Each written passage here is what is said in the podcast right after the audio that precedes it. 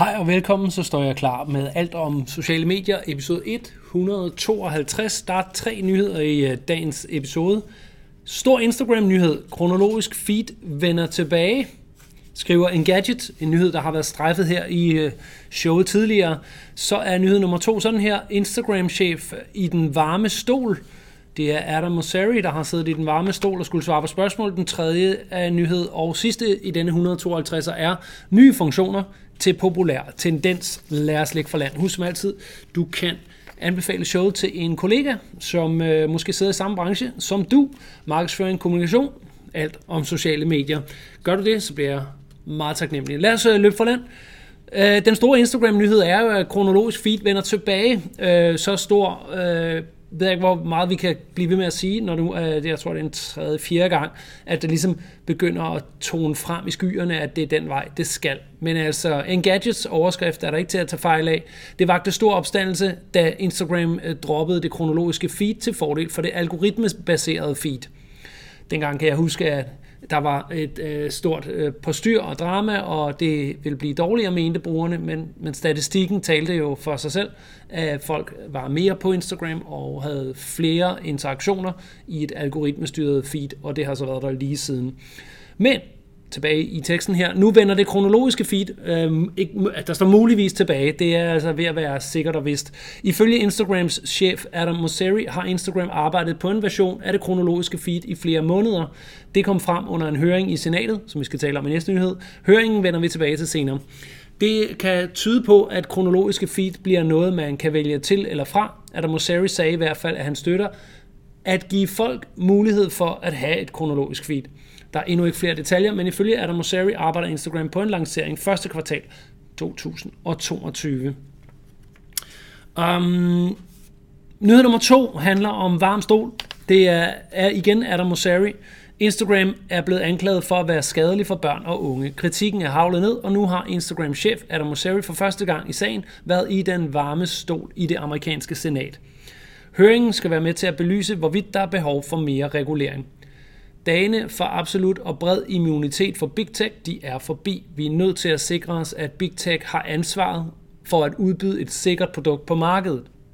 I får ikke lov til at skjule, når produkter skader børn.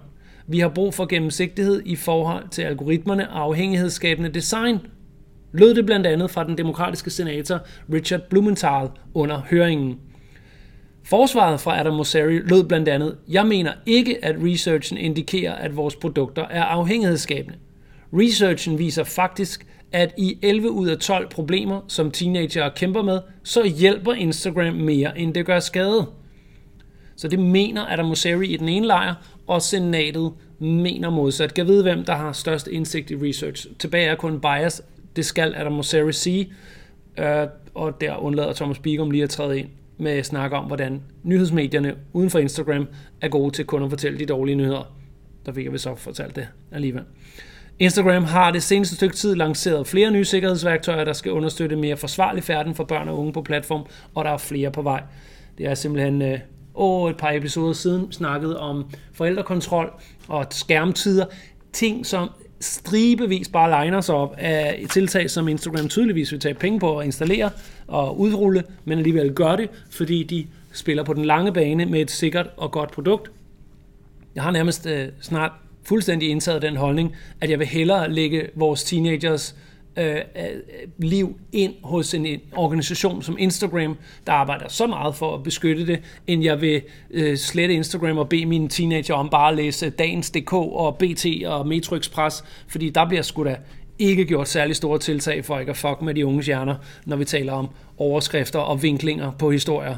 Skal jeg have skræmt mine teenager, skal der bare bede dem om at læse nyhedsmedier.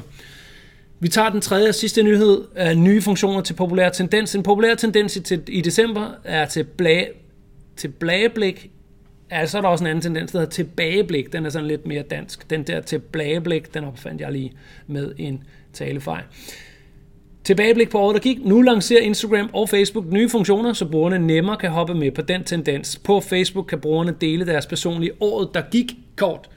På Instagram kan brugerne sammensætte en story med op til 10 story-sekvenser. Instagram og Facebook kreerer automatisk et forslag, men indholdet kan tilpasses fuldt ud, så brugerne kan tilføje eller fjerne opslag. Funktionerne skulle udrulle globalt netop nu og være tilgængelige den, øh, frem til den 30. december.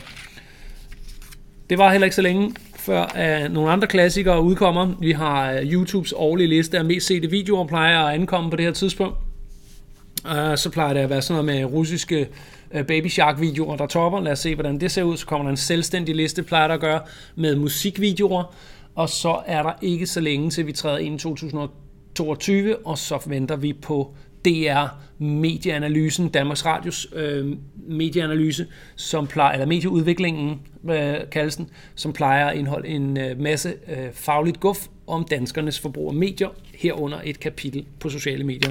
Den plejer at lande sidst i januar, om der er øh, forskydelser på grund af corona, ved jeg ikke. Sidste år øh, led vi den tårt, at der ikke var noget live show i forbindelse med lanceringen af rapporten. Øh, det var der året før, hvor man kunne øh, komme over i øh, Danmarks Radio og høre et oplæg om rapporten. Lad os se, hvad der sker i år, men det er de ting, der ligger fremad. Det, der ligger bag os, det var 152'eren. Foran der står Thomas Bigum. Jeg takker af for nu, og vi ses øh, om ikke så længe i episode 153 på podcast eller Facebook-siden. Ha' det godt. Indtil da, hej.